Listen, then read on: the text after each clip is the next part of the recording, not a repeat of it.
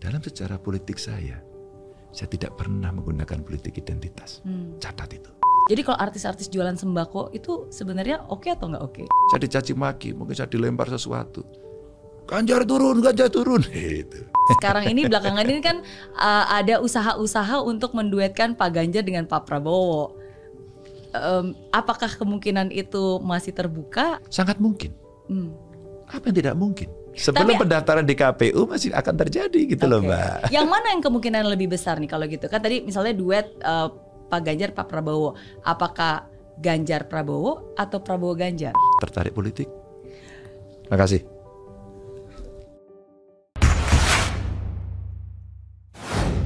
Hari ini sangat bersyukur karena sudah hadir bersama saya bakal calon presiden Pak Ganjar Pranowo. Selamat pagi Pak Ganjar. Pagi, Mbak. Wow, seneng banget akhirnya em, bisa ketemu lagi dengan Pak Ganjar. Saya tuh sebenarnya bayar hutang aja, Mbak. Udah lama sekali kan, maka kapan bisa ke Mbak Meridiana gitu. Jadi hari ini izinkan saya membayar hutang lunas ya. Lunas, Tunai. dibayar tunai. Tapi itu yang saya salut dengan Pak Ganjar, Kenapa? karena terakhir kali kita bertemu waktu itu di Semarang, Iya, iya. dan saya masih ingat kalimat pertama Pak Ganjar ketika bertemu dengan saya, Iya. selain apa kabar, langsung saya masih utang podcast ya sama kamu. Eh, dan menurut saya itu satu hal yang sangat spesial, Iya. karena eh, nggak semua orang itu em, ingat akan janjinya dan mau meluangkan waktu untuk menepati janjinya. Iya. Em, apalagi di tengah kesibukan seperti Pak Ganjar itu luar biasa sih untuk Pak Ganjar bisa ingat aja dan bahkan meluangkan waktu untuk hadir di sini dan menepati janji. Iya. Mm-mm. Karena apalagi di zaman sekarang yang namanya janji itu penting ya karena kadang-kadang banyak orang hanya mengobrol janji tapi nggak bisa ditepati. Maka jangan ngobrol janji dong. Let's do it. Let's do it. So thank you so much. Yeah. Terima kasih. Em, sehat Pak Ganjar? Alhamdulillah. ya. Mm, Iya, oke. Jadi em, terakhir kali pas lagi ketemu di Semarang waktu itu di acara farewell em, ketika Pak Ganjar selesai menyelesaikan tugas sebagai Gubernur, Jawa Gubernur. Tengah dan eh, waktu itu saya ingat Pak Ganjar bilang sebagai em, Gubernur Jawa Tengah setelah selesai menyelesaikan tugas akhirnya bisa merasakan kemewahan. Dan kemewahannya adalah bisa tidur, Tidur. siang selama tiga jam. Itu kemewahan ya. Kemewahan ya. Mm. Jadi benar Mbak Mary. Jadi waktu gubernur kita eh tentu mengatur banyak waktu bertemu dengan banyak orang. Jadi biasanya waktu tidur saya ketika di perjalanan dari satu titik ke titik berikutnya. Jadi berapa jam? Dua jam tidur. Berapa jam? Satu jam tidur. Atau kalau enggak balas ada WA, ada di medsos macam-macam atau laporan dari teman-teman kepala dinas gitu. Maka sering kali yang eh, kontrol istri Hmm. ke ajudan.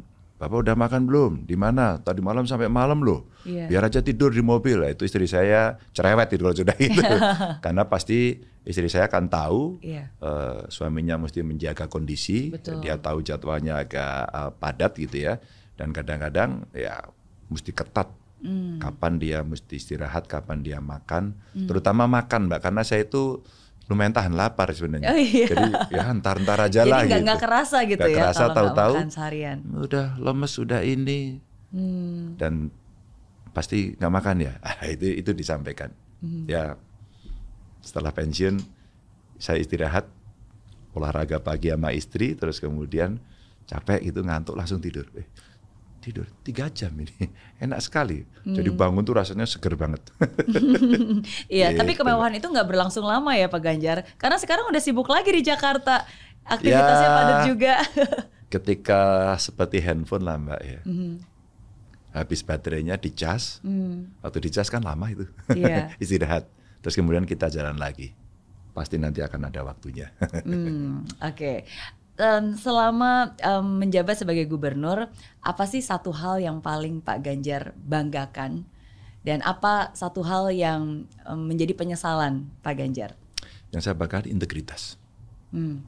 saya senang betul ketika kemudian melihat eh, kawan-kawan saya di pemprov Jateng dikasih gratifikasi eh, ditolak Hmm.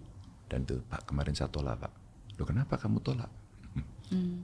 Bapak mengajarkan kepada kita bahwa kita tidak boleh korupsi, tidak boleh menerima gratifikasi, dan saya lakukan Pak. Wow, saya jabat tangan. Kenapa kamu harus menyampaikan kepada saya? Tradisi ini dulu menjadi hal yang lumrah Pak. Dan dalam birokrasi korupsi biasa. Bahkan ada yang ngomong ini sudah menjadi budaya. Ah, korupsi budaya. Gitu.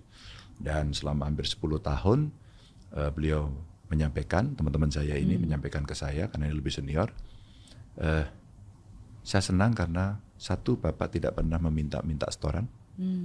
Dua, akhirnya kami tidak meminta-minta juga pada orang lain.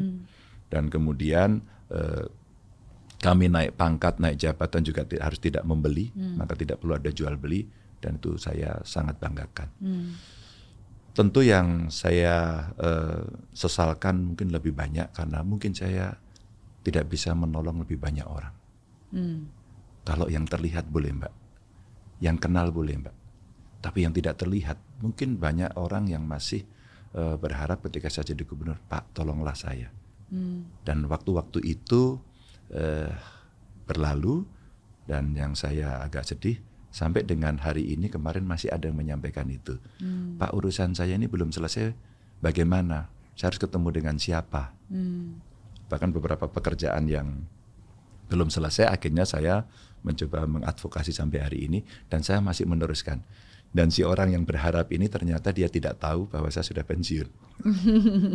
Oke, Tapi coba saya do my best, kemudian saya kontak teman-teman dan saya sampaikan kepada kawan-kawan. Iya, karena dengan waktu yang sangat terbatas dan resources yang sangat terbatas, eh, sepertinya pekerjaan untuk bisa terus apa ya mem- memberikan solusi bagi semua orang itu nggak akan pernah ada habisnya ya, Oh, Pak Ganjar. pernah. Masalah selalu, masalah baru selalu muncul, waktu terbatas dan hanya yang bisa dilakukan adalah seoptimal apa, bukan semaksimal Hmm. berapa. Oke, ini menarik sih sebenarnya karena kalau uh, ngobrol dengan Pak Ganjar uh, sudah banyak hal yang dilakukan bukan hanya untuk Jawa Tengah tapi juga untuk Indonesia. Tapi saya penasaran dari sejak kecil tuh sebenarnya cita-cita Pak Ganjar apa sih? Pilot. jadi pilot. Oh ya, kenapa pengen jadi pilot? Suatu ketika Pak Desa datang, Pak Desa ini tentara. Aha. Datang dia dari Kutoarjo, saya tinggal di lereng gunung di Lawang, di Tawangmangu, lereng gunung Lawu. Karena kedinginan, ya kita nyariin selimut untuk Pak D. Jadi Pak D itu sama saya sayang banget gitu. Saya pernah mau diambil anak gitu. Udahlah biar Ganjar sekolah sama saya gitu. Iya. Karena keluarga saya itu eh, kakak beradik semuanya enam Iya. dan orang tua saya tentu bukan orang yang mampu, maka Pak Desa ingin meringankan. Hmm. Nah, saya mau diajak, tapi alhasil enggak lah enggak jadi, karena kedinginan. Terus kemudian ditanya-tanya sama Pak D besok kalau gede mau jadi apa? Pilot gitu. Kenapa pilot? Ya kan bisa terbang jauh, bisa lihat macam-macam. Terus Pak Desa bilang gini, ya nanti kalau terbang pas lewat sini itu di pesawat kan ada selimut. Ntar dilempar dari atas ya. saya masih ingat cerita itu. Iya. Sampai saya mau tidur, eh, Pak Desa itu di sebelah saya gitu. Jadi nggak tahu ya waktu itu pilot itu profesi yang kayaknya keren banget. menyenangkan dan keren banget ya bisa jalan-jalan juga, Kayaknya begitu. bisa terbang, iya. Tapi apa yang akhirnya membuat Pak Ganjar justru malah terjun ke dunia politik? Pada saat mahasiswa saya bertemu dengan seseorang yang mempengaruhi hidup saya juga, Sutarjo Suryo Guritno, ini tokoh politik PDI Perjuangan. Waktu itu sejak PDI lah. Awalnya saya demo mbak. Mahasiswa demo juga. iya, awalnya Tahun demo. berapa tuh berarti? Oh ya udah sejak mulai kira-kira saya kenal demo itu tahun 88 89 lah. Oke, Ya. itu berarti di UGM ya? UGM, Ah. temulah dengan teman-teman aktivis. Nggak tahu saya diajari atau diprovokasi atau dipengaruhi ya. Apa yang didemoin waktu itu? Macam-macam, pokoknya semua kebijakan pemerintah nasional, internasional, pokoknya nggak cocok, hajar beleh. Kita demo. Nah akhirnya pada saat demo-demo itu jelang pemilu eh, kita bicara politik layaknya mahasiswa memandang mungkin memandang saya kali ya hari ini gitu kemarin di UI di UGM gitu Betul. oh itu kayak saya zaman dulu ya kayaknya memandangnya nah akhirnya kami komunikasi dengan banyak orang berjumpalah dengan Mbah Tarjo itu. Ah kalau cuman demo-demo gini mah percuma. Hmm. gitu. Anda masuk politik berani nggak? Itu sebuah pilihan. Wow. asik juga tantangannya gitu. Nah saat itulah kemudian saya ikut kampanye, saya ikut apa namanya eh, ketemu dengan beberapa tokoh. Dan itulah awal perjumpaan saya dan saya menikmati sekali begitu Hmm. kan. Tapi ya terus terputus Mbak. Itu tahun 92. Oke. Dan itu berarti sudah langsung masuk ke partai yang sekarang PDIP. Saya langsung masuk ke PDI belum perjuangan. PDI, Tahun iya. 92 saya ikut kampanye-kampanye begitu. Terus kemudian 92 karena masih mahasiswa, pemilu berjalan begitu saja. Tentu saya masih mahasiswa, selesai Mhm. tugas saya kampanye-kampanye, ikut hai-hai rame-rame gitu. Eh, lalu saya lulus 96 ke Jakarta. Iya. ya ke Jakarta terus kemudian hampir tiap malam ke tempatnya Bu Mega. Kan lagi rame Mbak waktu itu. Jelang 27 Juli. Hmm. nah itulah interaksi kami terus berlanjut ya sampai hari ini. Oke. Iya, berarti sudah eh, apa impian untuk menjadi pilot itu berarti sebenarnya Tuhan punya rencana yang berbeda ya jangan-jangan begitu untuk ya. Pak Ganjar dan ya. saya yakini juga begitu Oke, tapi em, akhirnya kan kalau sekarang di dunia politik menyesal nggak sih akhirnya pernah sekarang berada di dunia politik karena kan em, ini sesuatu hal yang apa ya ada yang bilang eh, kejam, ada yang bilang bahwa dunia politik itu em, nggak tahu siapa kawan, nggak tahu siapa lawan, intinya tidak mudah lah. Karena saya merasa Mbak ketika saya di politik saya bisa mengambil keputusan untuk banyak orang. Hmm, maka saya tidak pernah menyesal. Hmm, Maka ketika kemudian tadi saya ceritakan di awal, Pak, saya nggak bisa bayar rumah sakit, hmm, Pak ijazah saya saya ditahan, hmm. itu kan cerita kecil. Dengan seorang Ganjar telepon, waktu itu gubernur atau hari ini saya masih didengarkan, dia terbantu. Hmm, Mungkin tidak masuk dalam hingar-bingar politik besar, tapi si miskin itu, si orang yang sedang teraniaya itu, hmm, dia bisa mendapatkan sesuatu oke. dari tangan saya karena saya di politik.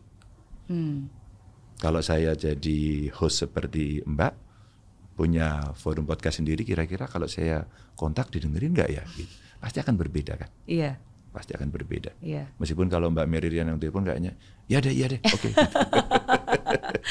Thank you, thank you. Karena di mana posisi kita berada itu pasti selalu ada apa ya, ada tanggung jawab dan ada yang bisa kita kontribusikan ya. Betul. Mm, ya, ya, oke. Dan bersyukur juga karena saya ingat Pak Ganjar juga sempat menyebutkan bahwa bersyukur karena Pak Ganjar pernah menjadi rakyat biasa, jadi sekarang bisa relate karena Pak Ganjar tahu gimana rasanya menjadi rakyat biasa yang pernah mengalami susah dan pernah em, berada di situasi yang tidak mudah. Hmm. saya sejak dari dulu sampai hari ini merasa rakyat yang biasa-biasa saja. Hmm. Jabatan tidak ada yang istimewa buat saya. Hmm. Karena saya paham betul karena saya masuk politik. Eh, jabatan itu hanya lima tahun. Hmm. Selebihnya Pak lima tahun lagi. Maka dalam konteks politik saya sampaikan Mbak kepada banyak orang, ini cerita loyalitas lima tahunan, jangan baperan. Ya.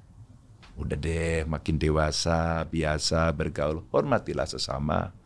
Soal sikap politik berbeda, biarlah. Ya. Gitu. Jadi dengan cara itu maka saya yang merasa biasa seperti ini, alhamdulillah saya tidak tidak tercerabut dan saya tidak mau tercerabut dari akar saya. Hmm. Ya di masyarakat, di bawah.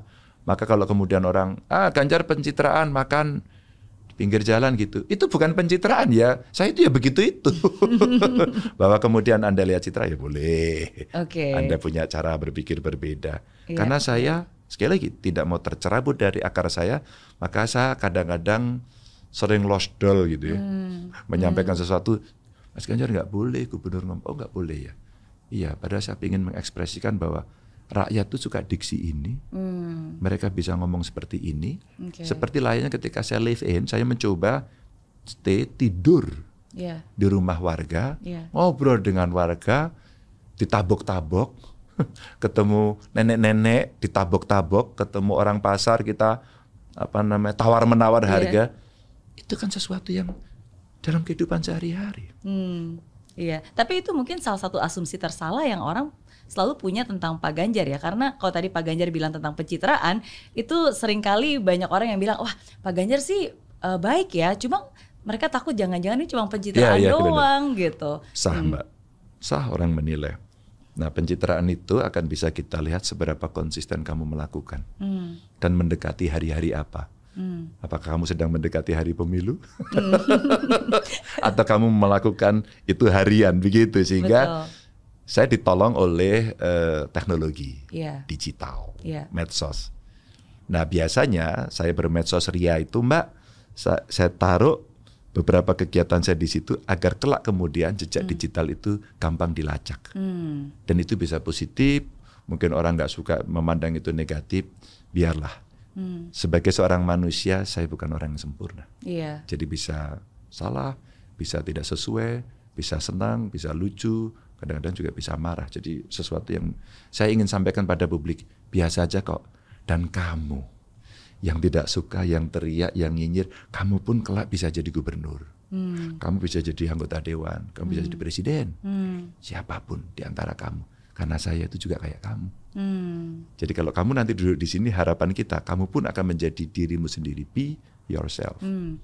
Ya dan gak boleh takut untuk menunjukkan your best self ya. Karena kalau kita just be ourselves tapi orang juga nggak tahu apa yang kita lakukan, Heeh. ya nggak ada gunanya juga kan. Ntar orang nanya, sebenarnya kamu siapa? Iya. Kok hari ini A besok B, lusa C? kamu sedang melakukan citra karena kepentingan atau kamu split personality kan gitu?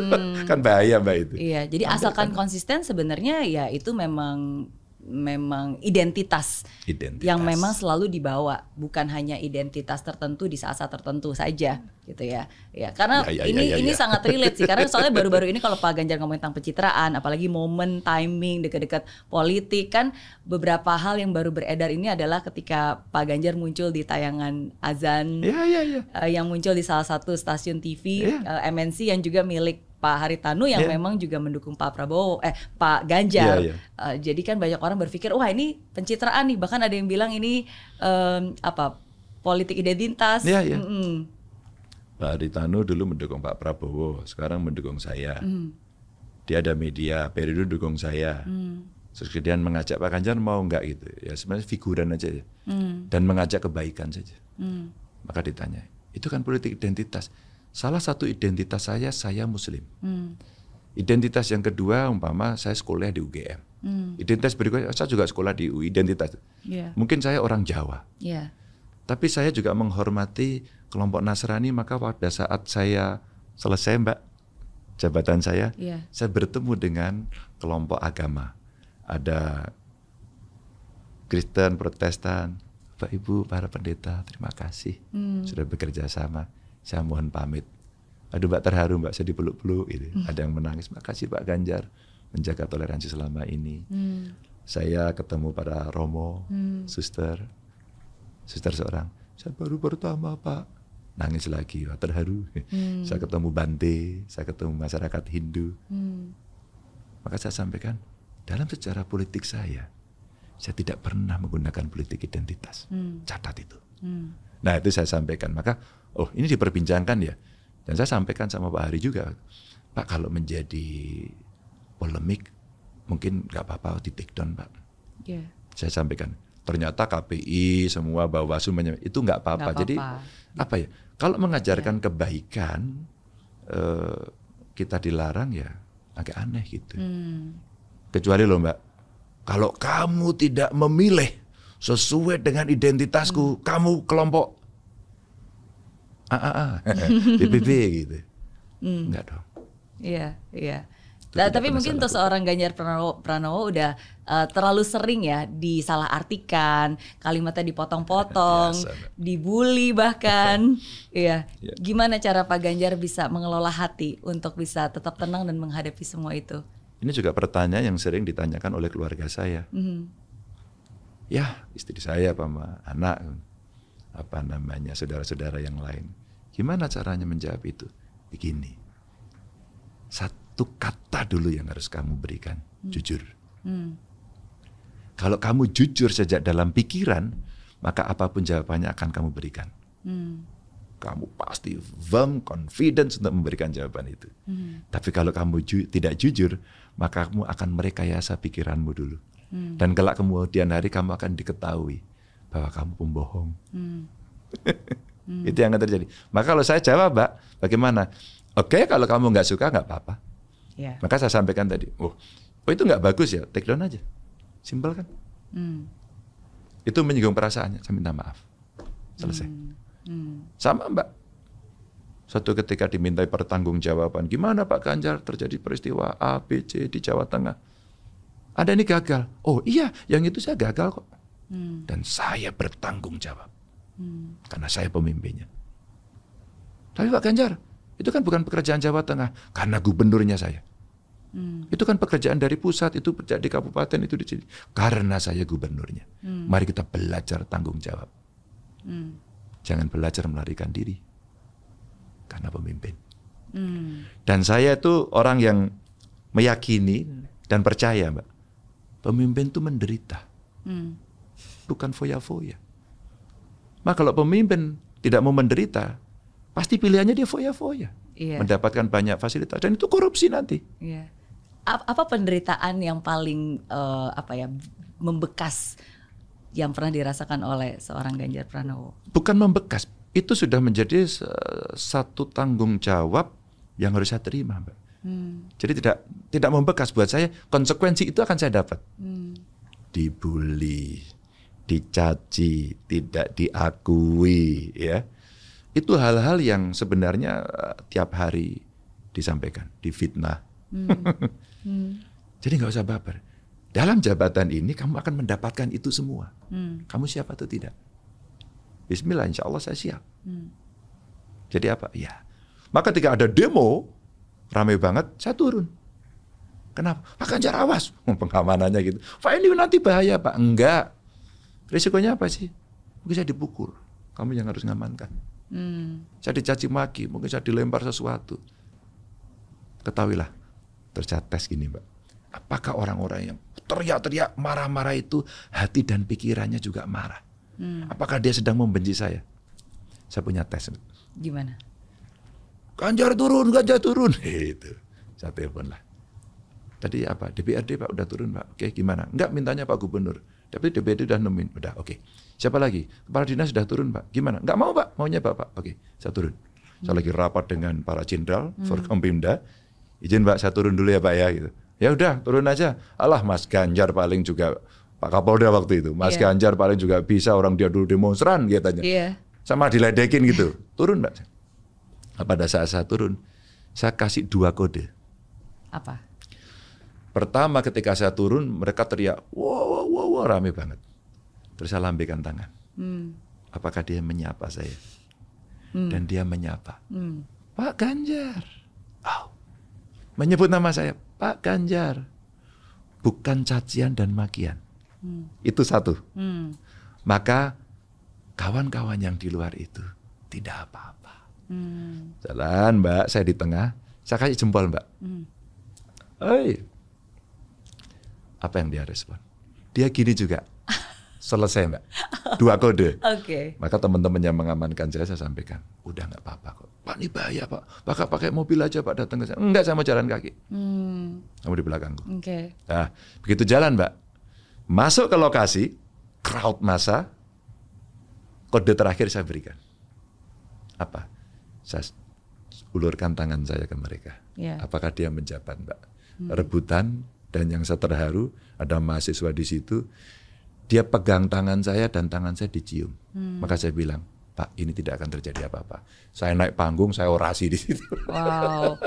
Wow. Ma- makanya saya cukup surprise ketika saya melihat cuplikan tayangan Pak Ganjar lagi di interview baru-baru ini. Jadi baru selesai di di UI kalau nggak salah. Terus ada banyak wartawan yang sedang menginterview Pak Ganjar. Terus lalu di belakang ada suara mahasiswa yang sedang lagi teriak-teriak eh, tentang hutang dan seterusnya.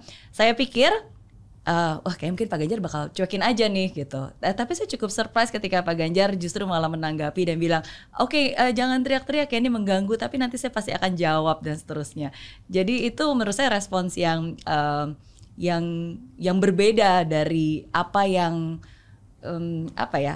Biasanya kan sometimes kadang-kadang em, kalau seorang politicians pada umumnya bisa menjaga sikap dalam arti ya udah kita fokus ke sini suara-suara biarinin aja tapi ketika Pak Ganjar bahkan merespon dan bahkan menjawab dan menanggapi suara-suara yang di luar itu cukup mengagetkan saya sih. Hmm. Kalau kita as usual, kayak biasanya, mungkin orang itu akan disingkirkan oleh Satpol PP. Iya. atau satpam Mhm. atau siapa pun urusan keamanan. Hmm. Tapi anak itu pasti ingin mendapatkan jawaban dari saya. Hmm.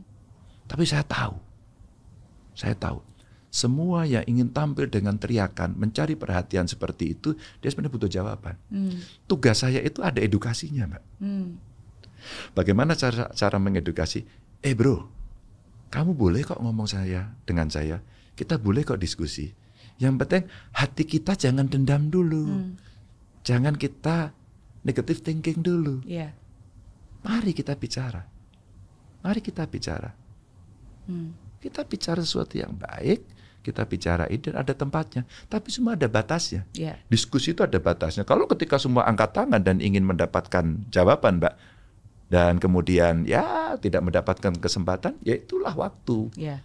Maka saya kasih kesempatan. Saya Pak, saya Pak. Teman-teman yang nanti tidak bisa mendapatkan kesempatan, nanti saya turun boleh ketemu saya langsung. Iya. Sebenarnya saya ingin memberikan kesempatan kepada mereka bahwa saya buka kok kesempatan di luar. Iya. Nah, anak itu sejak saya di panggung sudah angkat tangan terus. Oke. Angkat tangan terus. Jadi pas itu dia teriak. Nah, teriak buat saya hmm, mengganggu. Iya. Maka edukasi pertama, saya mau berkomunikasi. Edukasi kedua, kamu jangan ganggu. Iya. Jangan ganggu, lagunya kan jangan ganggu. Pada saat itu Mbak, kok tiba-tiba teriak lagi. Iya. Kalau kita mau diskusi itu saya kasih kesempatan, tapi saya menyesal. Hmm. Oh, menyesal dengan respon itu. Enggak. Setelah saya wawancara Mbak, selesai, saya mau cari, tadi mana anaknya? Oh. Saya minta, tolong dong panggil anak itu, karena saya nggak kenal. Iya. Mungkin ada teman-temannya. Saya menyesal tidak bisa jumpa anak itu. Oke. Mungkin kalau saya bisa jumpa, akan saya kasih nomor telepon saya. Hmm. Bahasa saya, saya akan puaskan kamu. Hmm. Sehingga saya bukan orang yang lari, Hmm. saya orang yang menghadapi. Hmm. Hmm. Pemikiran, sikap yang luar biasa. Bagaimana Pak Ganjar bisa selalu berprasangka baik, Iya. berkata baik, dan tetap melakukan hal yang baik, walaupun mungkin di situasi yang tidak baik. Tidak baik. Saya yakin itu salah satu warisan luar biasa yang diturunkan oleh orang tua Pak Ganjar. Em, em, apa pembelajaran yang paling selalu diingat dari orang tua yang selalu dipegang sampai hari ini? Hormati orang lain, Hmm. bantulah orang lain. Mbak, keluarga saya sering dibantu orang, Mbak. Hmm. dalam kehidupan yang tidak bagus itu. Sehingga kami- kita mesti tahu bagaimana rasanya. Dan kami merasakan. Merasakan, Mbak. Beda dengan mendengarkan dan melihat. Hmm. Dalam. Bahasanya, mak jelep, Hmm. sampai sini. Jadi tidak hanya di sini tapi sampai sini. Hmm. Nah ketika orang tua mengajarkan itu kepada kami, maka ringanlah tangan untuk membantu. Hmm. Maka kalau kemudian ada orang seperti itu, itu bagiannya orang harus dibantu. Iya. itu aja sebenarnya. Iya, iya. Dan mungkin em, Pak Ganjar bisa lebih berempati karena juga pernah menjadi anak muda, pernah juga menjadi mahasiswa dan juga pernah eh, apa ya ingin menyuarakan pendapatnya gitu ya. Tepat. Hmm. Ketika saya melihat itu, Mbak, saya lihat potret saya pada masing-masing. Maaf ya, Mbak ya. Iya. Teriak keras, ngomong ngawur. Hmm, oke, saya pernah kok sama dia. Oke. Dia nggak salah. Iya. Orang mencaci maki, oh saya tahu dia sakit hati karena saya pernah sakit hati juga. Terus kemudian saya maki-maki kayak dia. Oke. Hmm. Orang tersinggung kemudian marah, ngamuk dan sebagainya. Oh iya, saya pernah tersinggung dan orang tersinggung itu marah. Maka itu menjadi self control saya agar saya juga hati-hati. Meskipun kadang-kadang laki-laki saya manusia biasa, bisa keceplosan, bisa salah diksi dan sebagainya yang membuat orang eh, begitu. Maka saya sering kali, oke saya minta maaf. Hmm. Hmm. Apalagi sekarang Pak Ganjar juga punya anak yang juga usianya di usia-usia itu ya, seorang mahasiswa Ya. alam. Saya mendengarkan alam. Hmm. Kadang-kadang sesuatu yang saya tidak bisa menjangkau pada usia pikiran mereka hari ini Hmm. dan kekinian, saya tanya, apa yang terjadi itu? Ayah salah deh kemarin. Begitu ya, iya. Kami-kami generasi kami itu tidak begitu. Itu dia ta- tanyakan. Saya pernah tanya, Lam, generasi sekarang anak muda itu informasinya lebih generalis ya. Dia suka informasi yang tipis-tipis. Ayah salah. Hmm. Kami ini justru sangat dalam, tapi spesifik. Oh gitu. Jadi Oke. spesialis. Iya. Jadi kalau ada orang mengeneralisasi kami ini Gen Z, yang ngomong Gen Z itu nggak ngerti Gen Z. Oke. Katanya begitu. Oke. Yang ngomong janji itu nggak ngerti kami gitu. Oke. Hmm. Jadi kalian siapa? Kami skaters. Apa skaters? Skaters. Skaters. Main Oh, skaters. oke. Artinya apa tuh? Ya kami komunitas itu. Hmm. Kami kolektor sneakers. Oh, oke. Betul. Ya. Kami eh, atlet e-sport. Hmm. Kami desainer. Hmm. Kami apa orang yang hobi coding. Ya. Kami penggemar masakan. Kami wisatawan. Jadi mereka ternyata spesifik sekali. Iya. Dan kamu harus nyentuh kami yang di situ. Hmm. Jadi Mbak, akhirnya cara berpikir kita sekarang tidak lagi hanya bipolar. saya dan dia dua atau dia dan saya, tapi saya dan banyak mereka. Iya. Dan orang tuh harus paham itu. Hmm. Maka ketika kemudian kita bicara anak muda sekarang sama yang dulu apa bedanya? Dulu orang pengen baik-baik, sekolah baik, lulus, kerja, jadi pegawai, bayaran, menikah, cicil rumah. Siklusnya begitu. Iya. Anak hari ini enggak? Sekarang Lain. apa? Hmm. Kenapa hidup susah? Kenapa ada polusi? Kenapa ada kerusakan lingkungan? Hmm. Kenapa kami tidak bisa mendapatkan rumah murah? Maka muncul yang itu double burden, yang multi burden gitu ya. Masukkan sandwich Hmm. generations. Iya. Kami dihadapkan pada situasi yang sulit. That's a problem. Hmm. Maka mereka terserang mental health. Iya. Kemudian teknologi ini Mbak, medsos dan sebagainya menggembur. Positifnya informasi banyak didapat, tapi sisinya dia menekan tanpa sadar. Hmm. Akhirnya stres yang terjadi. Iya. Atau model cara kerja baru yang tidak diikat kontrak. Seperti apa gig ekonomi Iya. yang orang sekarang satu kelompok pengen saya pengen bebas kok nggak Iya. mau terikat saya mau Iya. kerja di seluruh Freelance, dunia work from everywhere. work Iya. from everywhere dan Iya. itu dia lakukan dan dia senang tapi siangnya malah takut Hmm. tidak ada kepastian dalam hidup saya. Oke, maka kamu termasuk dalam golongan yang nanti menjadi pegawai. Hmm. Ini menjadi freelancer yang bebas, yang sangat eksploratif Hmm. Pada kemampuan dirinya, dan itu pilihan. Maka yang disiapkan pada anak-anak sekarang adalah kamu harus punya kesiapan mental menghadapi perubahan yang sangat cepat ini. Hmm. Turbulence Iya. disrupsi, maka harus punya pikiran plan A, plan B, plan C. Iya. Dan itu kamu butuh talenta dan ilmu pengetahuan. Hmm. Menarik ketika Pak Ganjar ngomong tentang mental health ya, Iya. karena eh, banyak orang juga melihat dan menilai bahwa generasi sekarang katanya generasi strawberry, yang mungkin indah di luar tapi sebenarnya lembek, mudah banget terluka, mudah banget em, itu apa namanya ya kayak tadi breakdown, Breakdown, dan ya. lebih sering butuh healing. Sebagai seorang tu, orang tua yang juga punya anak yang berada di generasi itu, eh, gimana nih menurut Pak Ganjar apa sih hal yang paling penting yang harus generasi muda ini punya? Mungkin gak usah jauh-jauh deh. Apa sih pesan paling penting yang biasanya Pak Ganjar tuh selalu eh, nasehatin ke anaknya Pak Ganjar? Saya jarang menasehati tapi saya sering berdiskusi aja. Oke. Karena saya percaya anak saya akan mendapatkan pengalaman hidupnya. Hmm. Maka saya katakan buka ruang komunikasi. Oke. Karena itu dalam politik itu zona netral orang bernegosiasi. Hmm. Orang bernegosiasi. Dari berbagai kepentingan politik orang duduk kayak di parlemen ada eksekutif legislatif dari partai-partai yang mewakili rakyat kamu bernegosiasi. Hmm. Terhadap masalahmu dan persoalan kamu juga harus bernegosiasi. Hmm. Maka kamu harus membuka ruang diskusi itu Oke. agar terjadi konsensus, kesepakatan hatimu, kesepakatan pikiranmu. Oke, kalau pilihanmu A, risikomu B ya. Iya. Kalau pilihanmu D, risiko- risikonya C. Dan tidak ada dalam hidup ini tanpa risiko. Iya, iya, Ambillah risiko itu.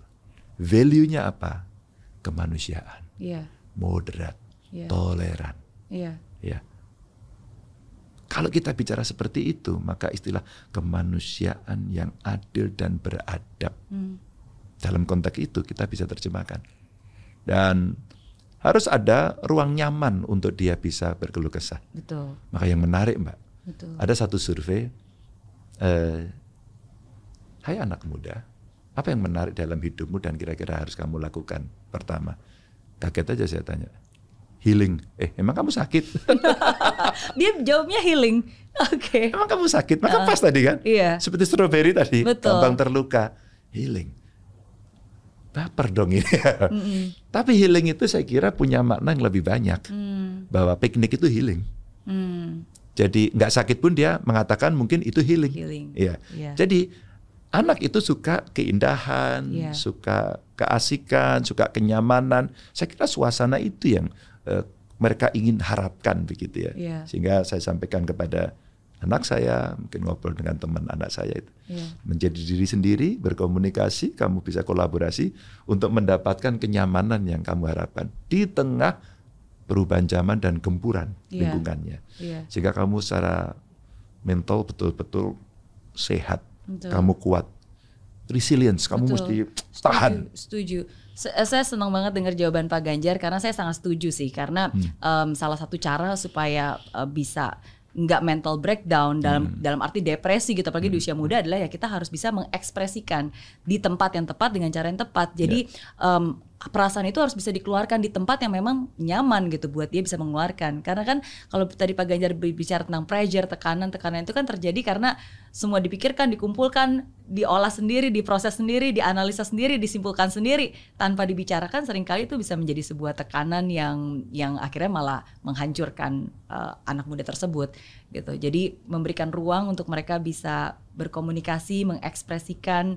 Ekspresi bukan hanya dengan suara ya, sering kali kan bisa dengan olahraga, bisa dengan gambar, bisa dengan menulis. Intinya harus ada tempat untuk mereka bisa menuangkan itu. Mm. Saya mendapatkan pelajaran waktu saya podcast dengan beberapa eh, penyintas ODGJ. Mm. Ada yang menarik. Satu psikolog dan ada silakan dilihat di YouTube saya, di IG saya juga saya upload sana. Yang satu penyintas. Yang penyintas ini ternyata dia punya problem sejak kecil tapi orang tuanya nggak tahu. Mm. Maka anak ini dia sendiri merasa dirinya aneh tapi orang tuanya nggak tahu. Mm. Kan kasihan. Mm. Akhirnya dia mencari diri sendiri. Apa yang dia dapatkan? Narkoba. Mm. Kan dia harus selesaikan. Suatu ketika dia terbuka karena dia berkomunikasi. Iya, Akhirnya dia tahu dan ada ilmunya. iya. Maka setelah itu dia membuat platform dan platform itu sekarang diakses jutaan orang dan di jutaan orang plat di jutaan orang itulah semua orang mengakses platform itu sesuai kepentingannya. Mm. Akhirnya apa? Itu tadi. Apa yang hebat dari Muna? Pak, beberapa orang tidak jadi bunuh diri. Wow. Mm. Dan saya sekarang merasa sembuh, sehat. Maka saya bekerja di bidang ini. Sociopreneur dia kembangkan. Wow. Dan yang menarik Mbak, suatu ketika kami talk show, ketemu lagi sama kawan saya itu. Iya. Dan yang menarik gini Mbak. Teman-teman, buat penanya yang sudah ada atau yang ingin bertanya berikutnya, saya punya voucher. Mm. Voucher untuk konseling dengan psikolog. Siapa yang mau? Saya kaget. Mm. Karena yang angkat tangan banyak banget. Oh, Jadi artinya mereka juga sudah open mind iya. bahwa dirinya untuk menyampaikan sesuatu kegelisahannya dan sebagainya mau menggunakan jalur ini. Dulu kan malu Dan mbak. nggak merasa tabu kan? Nggak Kalau tabu. ketemu psikolog Betul. seakan-akan kayak wah sakit jiwa, Sakit jiwa, ini enggak, kan? iya. Mm-mm. Mungkin juga di antara kita juga punya kok kesakitan kejiwaan itu hanya levelnya aja kan ya. Iya. Kadang-kadang stres, kadang itu kan jiwa juga gitu kan. Iya, Makanya saya surprise pada saat itu vouchernya laku. Iya. Saya apa saya? Pak minta lagi dong gitu. Kamu kontak aja dia. Hmm. tanpa voucher kamu bisa sampaikan. Maksud saya, ruang-ruang itu yang mesti diberikan sehingga anak-anak di era sekarang bisa mendapatkan tempat Hmm. yang benar, yang baik untuk dia bisa mencurahkan Iya. sehingga dia sehat mentalnya. Iya, iya. Dan saya suka cara Pak Ganjar berdiskusi dengan uh, alam Uh, sambil main catur. Oh. Harus punya harus punya cara tersendiri ya untuk bisa tetap connect kan. By the way, yang jago yang lebih jago catur siapa nih? Gak Pak ada, Ganjar atau- gak ada, gak ada. Dia lebih jago. Oh iya Dia gitu sebenarnya ya. lebih jago karena dia suka banget olahraga. Keluarga kami suka olahraga semua. Oh, oke. semua suka olahraga jadi eh, apa namanya kalau bola kami semua penggemar MU Hmm. kalau lari saya sama istri sepeda saya sama istri anak saya main bola dia main basket eh, berenang kita semua suka Oke. jadi kami suka olahraga semua jadi kalau eh, kita ngomong main catur waktu kecil dia main catur terus mau ngobrol gitu yuk kita ngobrol yuk karena ada kamera tentu ya harus ada medianya Iya. dan ya kita main catur sambil ngobrol gitu dan Saya saat itu juga surprise mbak, Hmm. karena saya belum pernah ngobrol sepanjang itu Hmm. sama dia gitu ya, dan dia keluarkan dalam bentuk yang apa natural gitu. Dan tahu nggak mbak, ini apa behind the scene ya. Hmm. Iya, iya. Pada saat awal itu kameranya banyak begini dan orang juga banyak seperti ini. Iya. Di tengah begitu kita mulai dapat tik gitu, teman-teman ini pergi mbak. Oh. Kami ditinggalkan berdua. Dan saat itulah mungkin di antara kami akhirnya nggak ada orang lihat. Iya. Betul-betul akhirnya kami lupa pada kamera. Kami kemudian berbincang dan saya baru lihat ketika anak saya kemudian menangis. Hmm. Baru saya oh, oke. Sama ketika kemudian saya apa berpamitan, "Hmm, Pak Ganjar kok nangis kenapa waktu pamitan? Saya tahan diri, Pak. Ya 10 tahun bekerja sama dengan tim masa nggak ada sesuatu lah Mbak ya ikatannya. Mungkin saya dibenci orang atau mungkin saya disukai atau yang netral. Tapi apa pun saya punya ikatan emosional. Pak Ganjar boleh nggak tahu kenapa Ganjar menangis? Saya nahan tangisnya dari awal. Hmm. Oh hubungan dengan teman nanti akan berpisah akan selesai. Terima kasih teman-teman sudah membantu. Masyarakat kerjasamanya luar biasa. Tapi sebenarnya ada yang terakhir. Karena ada video-video yang ditampilkan dan yang terakhir itu anak saya. Iya. dia menyampaikan gini. Apa yang alam harapkan kira-kira dari ayah itu? Ayah sih masih utang sih. Tapi aku tahu dia kesibukannya. Dia dulu janji sejak kecil sama saya naik gunung. Dan itu belum dia bayar Hmm. tumpah mbak saya. Wow, ternyata di antara kesibukan saya ini ada yang saya janjikan sama anak sejak kecil dan belum pernah saya bayar. Hmm. Maka jangan janji-janji tadi itu ya mbak. Hmm. Dan ini pada anak mbak, Hmm. yang mereka ikhlas lillahi taala, anak, eh, suami, istri, anak memberikan ayahnya, suaminya untuk orang lain. Ini sebuah apa ya? eh, penghormatan saya, Iya. penghargaan saya, rasa cinta saya, terima kasih saya kepada istri dan anak saya. Hmm. Kan hampir 10 tahun, eh, 20 tahun, Mbak. Hmm. Saya di DPR, Iya. saya di Oh, ternyata ya ada waktu yang harus terbagi, Hmm. ada hutang yang harus terpenuhi dan itu waktu itu akhirnya saya nggak tahan karena anak. Iya, Maka iya. saya bilang, habis itu lam kita naik gunung beneran. Iya, tapi kapan ya kira-kira? tapi dia makin dewasa, makin tahu, dia sangat tahu. Maka saya bilang, kayaknya bulan-bulan depan, bulan-bulan ini kita cari yuk naik. Kita harus tunaikan kewajiban. Hmm, betul, betul, betul. Eh, kalau ada yang ingin disampaikan dan saya yakin mungkin Alam menonton podcast ini, apa yang Pak Ganjar ingin sampaikan ke Alam? Ayah bangga dan sayang. Gitu. Hmm. Gitu, Mbak. Bangga dan sayang. Iya. Thank you Pak Ganjar. Sama-sama. Iya. Em, sebagai petugas rakyat memang tidak mudah, em, harus menderita, Iya. dan sering kali eh, ya pilihannya adalah memilih antara menjadi petugas rakyat atau janji kepada keluarga atau janji kepada rakyat nih. Dan kadang-kadang itu tidak mudah untuk bisa memenuhi ya janji yang mana yang harus diprioritaskan, janji sama anak naik gunung atau janji sama rakyat. Hmm. Dalam politik, Mbak, Hmm. itu se- sebuah eh, sikap yang harus di- diberikan sepenuhnya. Hmm. Kalau kita sudah memilih pada jalur ini, maka tidak boleh setengah-setengah. Hmm. Akan ada pengorbanan. Dan salah satu penderitaan, Mbak Mary yang saya sampaikan tadi adalah keluarga saya harus ikhlas. Hmm. Harus mau mewakafkan suaminya, ayahnya. Hmm. Maka itu pengorbanan anak istri saya. Mas Ganjar, keluarga atau rakyat. Ketika kemudian saya harus memilih, pasti saya pilih keluarga. Hmm. Ketika kemudian saya dalam jabatan publik, saya akan izin pada keluarga. Hmm. Maaf ya, rakyat harus lebih dulu. Karena jabatan inilah yang saya harus memprioritaskan ini. Hmm. Bukan kalian yang sangat saya cintai ini. Alhamdulillah mbak, mereka semua paham, mereka semua tahu. Hmm. Tapi seperti itu. Maka eh, apa namanya waktu-waktu berharga ini kemudian saya pakai ketika saya sekarang sudah uh, bermukim di Iya, Jakarta. di Jakarta. Anak saya di Jogja, dia sekarang yang bolak-balik. Oh. Dia bolak-balik dan alam ngapain? Ya, aku mau bantu. Kamu ganggu kuliah, lu kamu prioritas kuliah aja. Aku yang akan bagi waktunya. Hmm. Wow, wow. Hmm. Ya, ya. I proud Hmm. of you. Iya, iya. Thank you for sharing. Mm, mm, Thank yeah. you for sharing.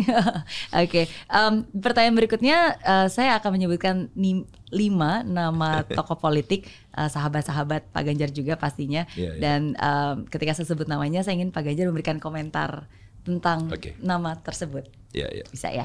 Oke. Yang pertama adalah Pak Anies Baswedan. Teman saya kuliah.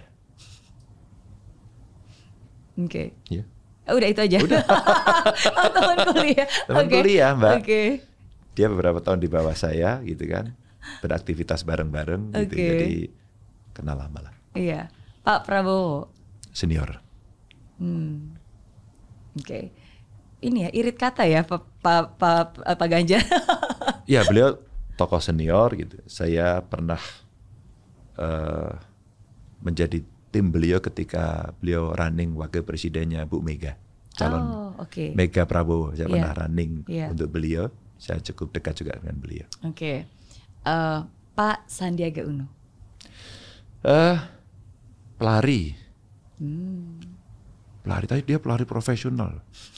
Sering lari bareng juga ya sama Pak Ganjar. Belum sih sepedaan, tapi menang saya waktu sepedaan. Oh, iya. Kalau lari kayaknya menang dia.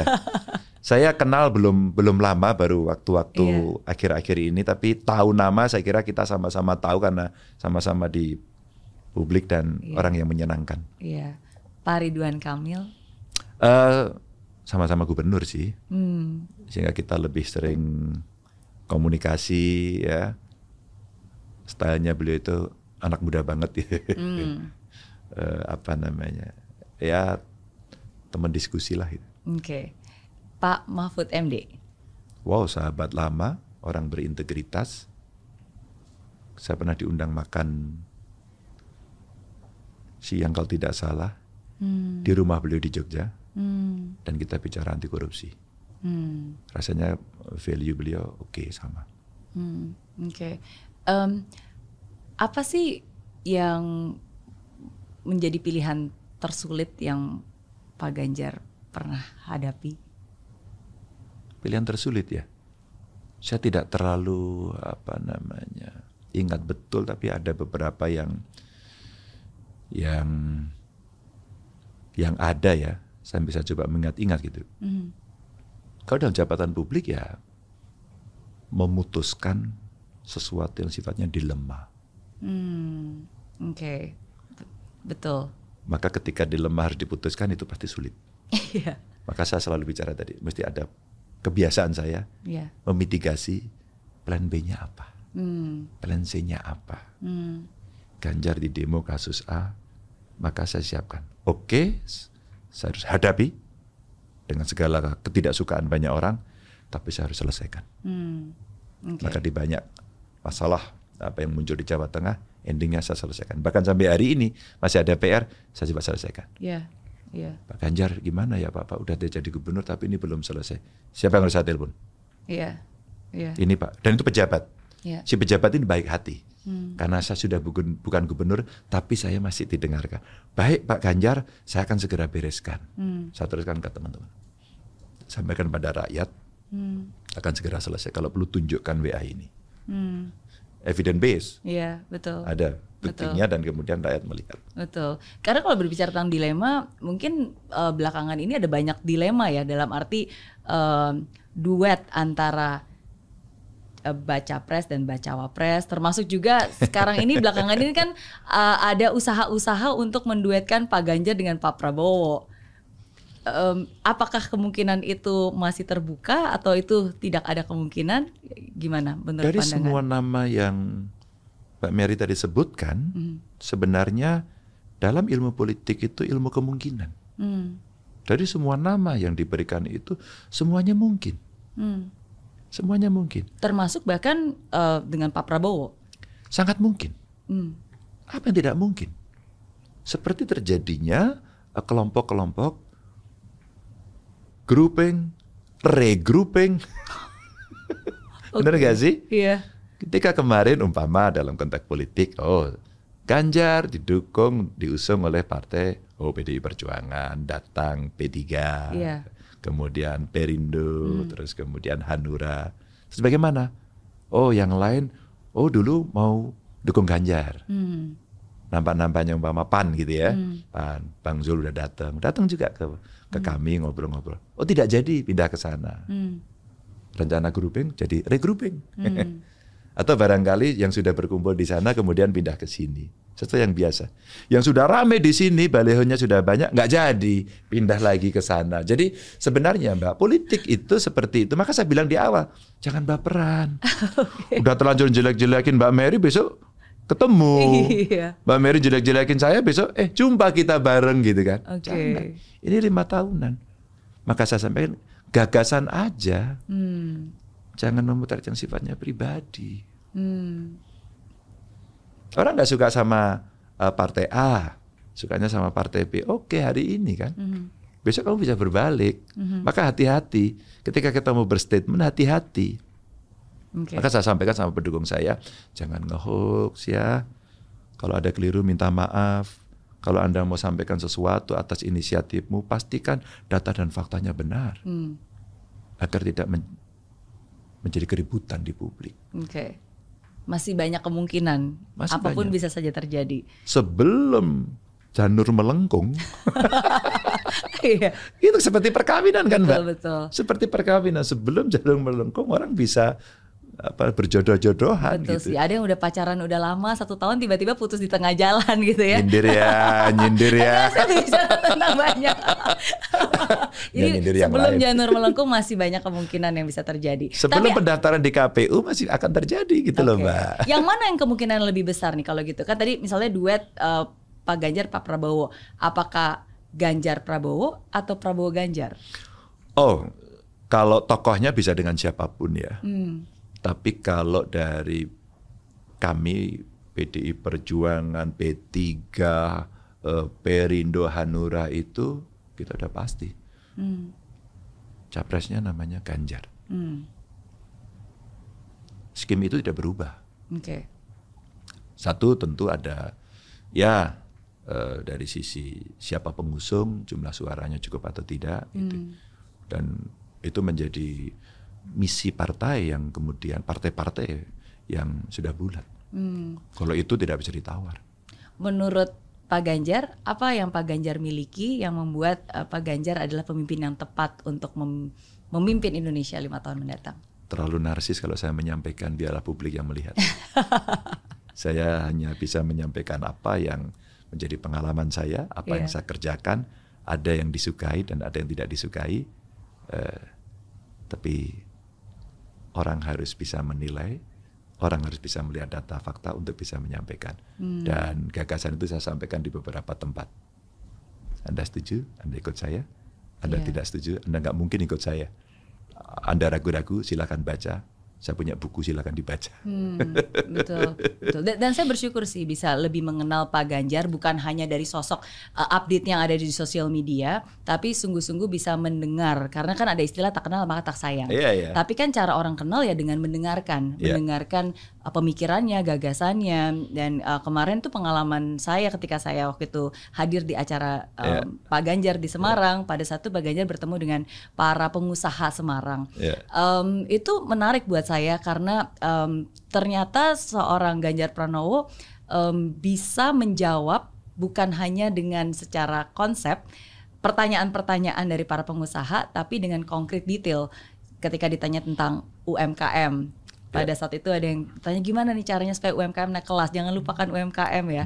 Ketika ditanya tentang um, masalah hukum, pada saat itu ada ada dosen, Dosen. yang bertanya Iya. gitu kan Uh, dan Pak Ganjar memberikan penjelasan bukan konsep tapi real example itu kan menunjukkan bahwa uh, you are doing the things di bawah juga bukan hanya di atas secara strategis membuat tapi juga di bawah turun dan bertemu langsung dengan pelakunya gitu Ya, termasuk salah satu yang Pak Ganjar juga uh, sharing kan adalah tentang um, menjadi duta besar bahwa ini sekarang bahkan para um, apa uh, di orang-orang yang menjadi tokoh menjadi dunia entertainment pada saat itu Pak Ganjar juga menyebutkan beberapa nama sekarang public figure pun juga bisa menjadi uh, apa ambassador of Indonesia. Mbak, ketika kita ngomong bagaimana menyelesaikan persoalan, Hmm. problem solving, bagaimana kita percaya kalau Anda tidak punya rekam jejak di situ? Mm. Eh, kita lagi ngomong sama orang yang lagi mimpi ya. Ya. Bangun dong. Eh jangan di langit, down to earth dong. Mhm. Injak bumi. Kalau kamu belum pernah melakukan Ya. dan kamu ingin melakukan, kan tinggal keyakinan. Ya. Orang ini bisa apa enggak? Kalau kamu belum pernah melakukan, disuruh melakukan, maka dia mengeluarkan gagasannya. Mm. Akan berbeda. Orang yang pernah melakukan, gagasanmu apa, buktinya ini. Tinggal kamu nilai. Mm. Gitu. Maka kemudian saya kasihkan contoh-contoh itu. Ya. Apa yang ada. Karena tanpa contoh, nanti orang akan melihat. Selalu bertanya, bagaimana? Mm. Bagaimana caranya? Kira-kira begitu. Lalu saya kasih contoh, itu, itu, itu. Mm. Maka kemudian saya sampaikan kepada eh, kawan-kawan kemarin, umpama pertanyaan soal banyak talenta hebat dari anak-anak Indonesia, anak-anak bangsa ini, yang sebenarnya dalam konteks diplomasi internasional bisa kita lakukan diplomasi yang sifatnya informal. Mm. Kenapa tidak? Why not? Kalau kemudian saya sebut Putri Aryani, eh, Rich Brian, saya Iya. senang sekali sama contoh-contoh ini. Terus kemudian Niki, betul. Ya, ini kebetulan penyanyi. Dia Iya. sekarang dikagumi dunia. Kamu tak kasih aja paspor biru, tugasmu nanti keliling. Dan kalau kamu mau uh, tampil di sana, boleh dong kamu pakai lurik. Ini lurik juga, Iya, ini lurik. iya. Ya. Kamu pakai lurik, hanya mengenalkan saya pakai lurik. Ya. I'm from Indonesia. Mm. Sesimpel itu aja. Betul. Terus kemudian nanti dia cerita pas di tengah nyanyi umpama ada yang pernah makan rendang, Ya. pernah makan nasi goreng, pecel gitu kan. Ada yang pernah berkunjung apa namanya ke tempat wisata, Mm. ke Danau Toba, ke Borobudur, ke Bali, eh Bali pasti banyak. Iya. Umpama eh, ke Komodo dan sebagainya. Maksud saya dia bisa kita taruh Ya. dan banyak yang chef, anak-anak kreatif ya. Betul. Dia apa namanya atlet e-sport gitu kan. Iya. Banyak sekali mbak. Kalau kemudian kita punya kekuatan gede banget, anak bangsa dengan jumlah penduduk gede, kenapa kita tidak manfaatkan? Mm. Mm. Yang formal ya di ambasador resmi di KBRI. Ya. Yang ini dia sebenarnya representasi. Hmm. Kamu menjadi duta budaya, seni, olahraga. Coba atlet-atlet kita. Badminton umpama. Iya. Iya. kita jagoan gitu. Sepak bola jagoan-jagoan yang anak-anak muda hebat, oke kita masukkan. Dan banyak sekali talenta-talenta hebat yang kita miliki. Hmm. Butuh rekognisi dari negara. Iya. Betul. Jadi nggak hanya jalur formal ya, ada banyak sebenarnya jalur. Intinya menciptakan berbagai macam jalur sehingga talenta yang dimiliki oleh anak bangsa ini bisa tersalurkan dan kita bisa tetap berkontribusi dengan caranya masing-masing. Mbak, deal politik itu lebih sering makan loh. daripada conference. Oh, iya ya. Bener gak? Karena lebih banyak eh, iya deal begini Mbak. dilakukan Iya. lagi ngobrol-ngobrol Kita lagi seperti ngomong, ini. "Eh, ya. gimana? Oh, Iya. Saya kira begini. Oh gitu ya. Oke, oke deal ya, deal. Oke. Kita bawa ke forum sana. Iya. Informal mbak. Kalau saya menggerakkan negara, kalau kita maju, kalau lewat pintu depan jalur formal nggak bisa, ya pintu seni, olahraga, kuliner, pariwisata, seni, budaya, budayawan kita hebat-hebat mbak. Iya. Dia tampil ya dengan apa gaya komunikasinya, narasinya, pikirannya, pelukis, kemudian dia ingin menyampaikan itu dan kemudian dia bercerita tentang Indonesia sebagai seorang hero Hmm. maka bawalah selalu merah putih di mana pun kamu berada. Iya. Setuju. Iya dong. Dua pertanyaan terakhir buat Pak Ganjar. Yuk. Um, yang pertama tentang UMKM, Mm-mm. karena Pak Ganjar sering berbicara dan sering bertemu juga dengan pelaku UMKM, baik itu di Jawa Tengah dan juga sekarang di Indonesia. Um, belakangan ini um, ada perbincangan tentang uh, UMKM yang sekarang um, apa ya terancam karena dengan adanya TikTok, TikTok. live, terus apalagi para artis malah jualan, jualannya tuh bukan jualan-jualan kayak produk-produk mahal, tapi jualan sembako, jualan barang-barang yang sebenarnya harusnya ini ranahnya pedagang-pedagang nih. Em, gimana menurut Pak Ganjar? Kalau situasi itu sudah mengganggu, maka negara atau pemerintah harus segera mengintervensi. Hmm, Mari kita bicara cara.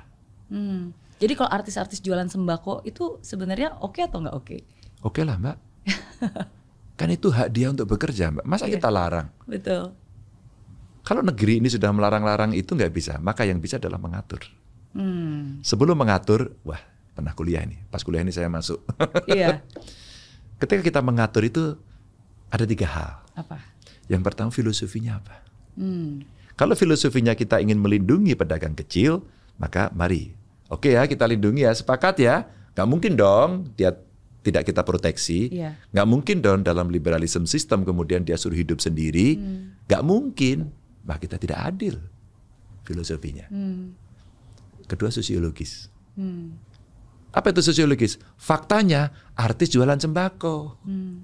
Faktanya sekarang pedagang di Tanah Abang yang kemarin teriak Tanah Iya. Abang ya, akhirnya nggak laku. Iya. Loh, biasanya orang datang kok tiba-tiba nggak, tapi di sana ngirim barang terus. Disrupsi sedang terjadi, sosiologis mbak. Iya.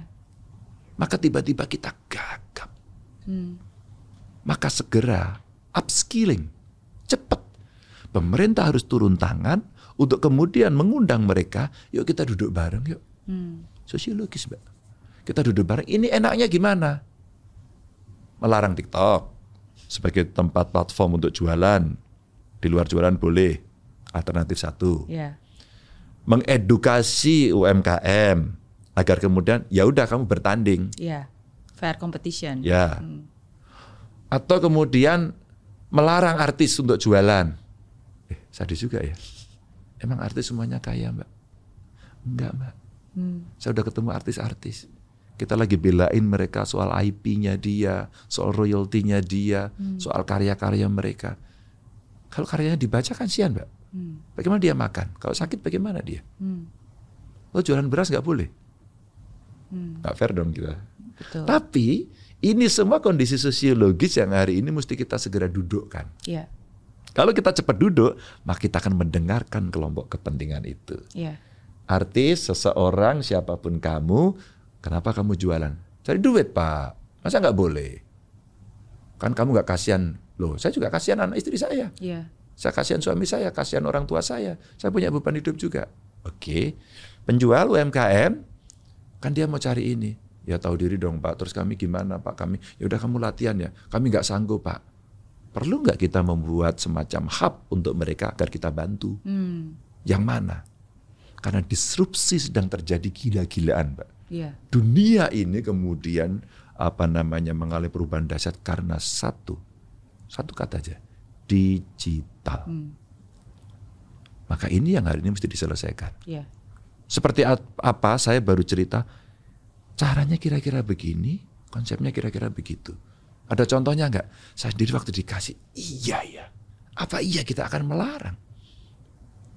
Iya ya, bagaimana cara melindungi? Maka yang paling bagus adalah, yuk kita dengerin mereka semua yuk. Sehingga representasinya itu akan betul-betul mewakili untuk kita bisa sampai yang ketiga, Hmm. membuat regulasi. Hmm. Filosofis, sosiologis, regulasi. Regulasi. Oke. Eh, saya dapat pelajaran penting nih dari Pak Ganjar. Ya. Eh, dan saya senang banget ketika Pak Ganjar ngomongin tentang filosofi karena pertanyaan terakhir saya itu tentang filosofi. karena eh, ketika saya punya kesempatan untuk bertemu orang-orang hebat, baik itu tokoh-tokoh em, konglomerat Indonesia, politician-politician terbaik di negeri ini seperti Pak Ganjar dan em, calon biasa calon baca pres baca pres lainnya gitu. Saya melihat bahwa mereka itu bisa hebat karena di dalam hidup mereka mereka punya prinsip filosofi hidup yang selalu mereka pegang sehingga apa pun konteksnya, apa pun keputusan yang harus mereka buat, mereka akan selalu balik lagi ke filosofi hidupnya mereka.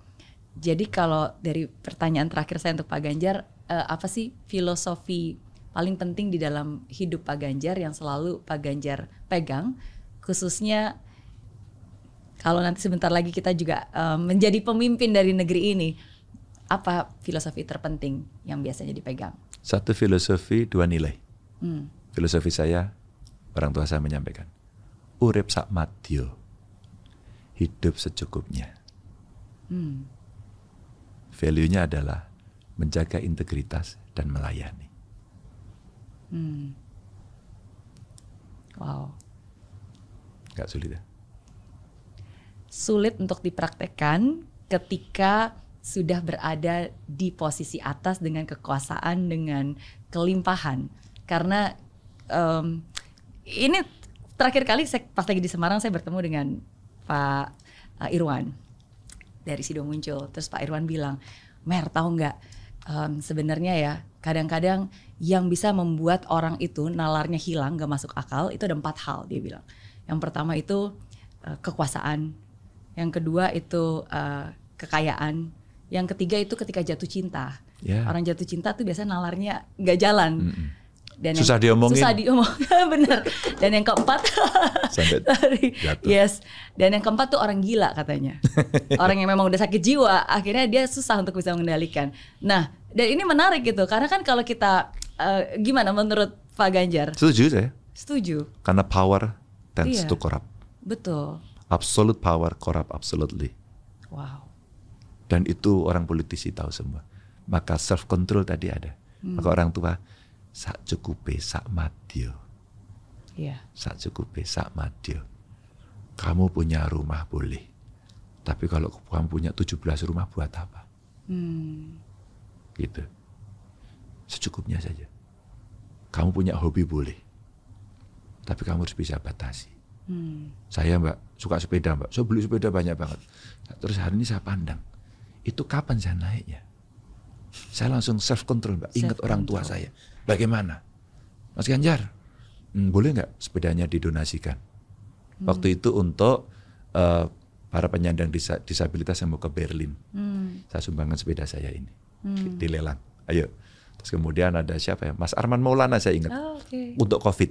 Iya. Mas Arman, saya berikan sepeda saya yang pernah saya beli paling mahal pada pertama kali. Hmm. Saya sumbangkan, dilelang gitu.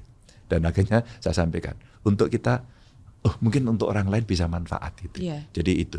Ya meskipun saya tidak sesempurna apa yang saya katakan, tapi itu value, nilai, filsafat yang insya Allah saya jalani. Self control. Terima kasih sudah Sama-sama. menjawab pertanyaan-pertanyaan saya. Em, kalau di Friends of Mary Riana biasanya terakhir bintang tamu boleh bertanya satu pertanyaan ke saya. Iya, tanya apa ya? Tertarik politik? Wow, langsung to the point ya. Em, Habitat saya. Oke, Em, jawaban jujur saya. ya. Dulu saya nggak pernah tertarik, tapi selama dua tahun belakangan ini em, saya terbuka eh, untuk terjun ke dunia politik. Kenapa? Karena setelah 16 tahun saya tinggal di Singapura, saya balik ke Indonesia 9 tahun di sini. Saya melihat kalau tujuan saya kembali ke Indonesia untuk menciptakan dampak positif dalam kehidupan jutaan orang dan salah satu jalur yang efisien dan efektif adalah di terjun politik karena seperti Pak Ganjar bilang bisa membuat regulasi yang efeknya tuh langsung ke jutaan orang. Saat ini saya belum ada rencana untuk terjun ke dunia politik, tapi seperti saya bilang kalau itu memang sejalan dengan apa yang menjadi mimpi saya dan ada ruang, ada tempat yang tepat untuk saya bisa berkontribusi dengan bakat, minat dan juga pengalaman saya, pasti itu akan tetap akan saya lakukan dengan sepenuh hati. Hmm. Makasih. Apa nih maksud dari Saya suka jawaban itu. Oke. Politik terima itu agung, politik itu manfaat. Ya. Maka saya berharap orang baik, orang pintar masuklah politik. Hmm. Karena dunia akan berubah dengan value, nilai, filosofi yang Anda miliki. Hmm. Terima kasih Sama-sama. Pak Ganjar. Thank you sudah meluangkan waktu. Sukses terus, sehat selalu. Amin. Kita tunggu gagasan-gagasan berikutnya dari Makasih. seorang Ganjar Pranowo. Ya. Thank you. Kak, Oke, aman? aman miss. Sip, thank you. Nah, baru aja saya selesai syuting podcast Friends of Mary Riana. Habis ini masih lanjut untuk aktivitas berikutnya. Nah, tapi saya nggak lupa nih untuk ingetin ke kalian satu hal yang harus kamu lakukan jika kamu memiliki aktivitas yang banyak. Jangan lupa untuk selalu minum tolak linu dari Sido Muncul. Nah, saya selalu stok di rumah dan juga di dalam tas saya. Saya percaya dengan kualitas produk dari Sido Muncul. Karena Sido Muncul sendiri sudah berdiri dari tahun 1951. Jadi sudah 72 tahun bergerak di industri herbal. Dan selama itu juga Sido Muncul selalu menjadi andalan keluarga Indonesia karena menghasilkan produk yang berhasiat dan berkualitas seperti tolak linu. Tolak linu ini merupakan starter pack saya supaya maksimal dalam menjalani kegiatan sehari-hari. Jadi buat kamu yang juga punya aktivitas yang super sibuk, jangan lupa untuk minum tolak linu setiap hari.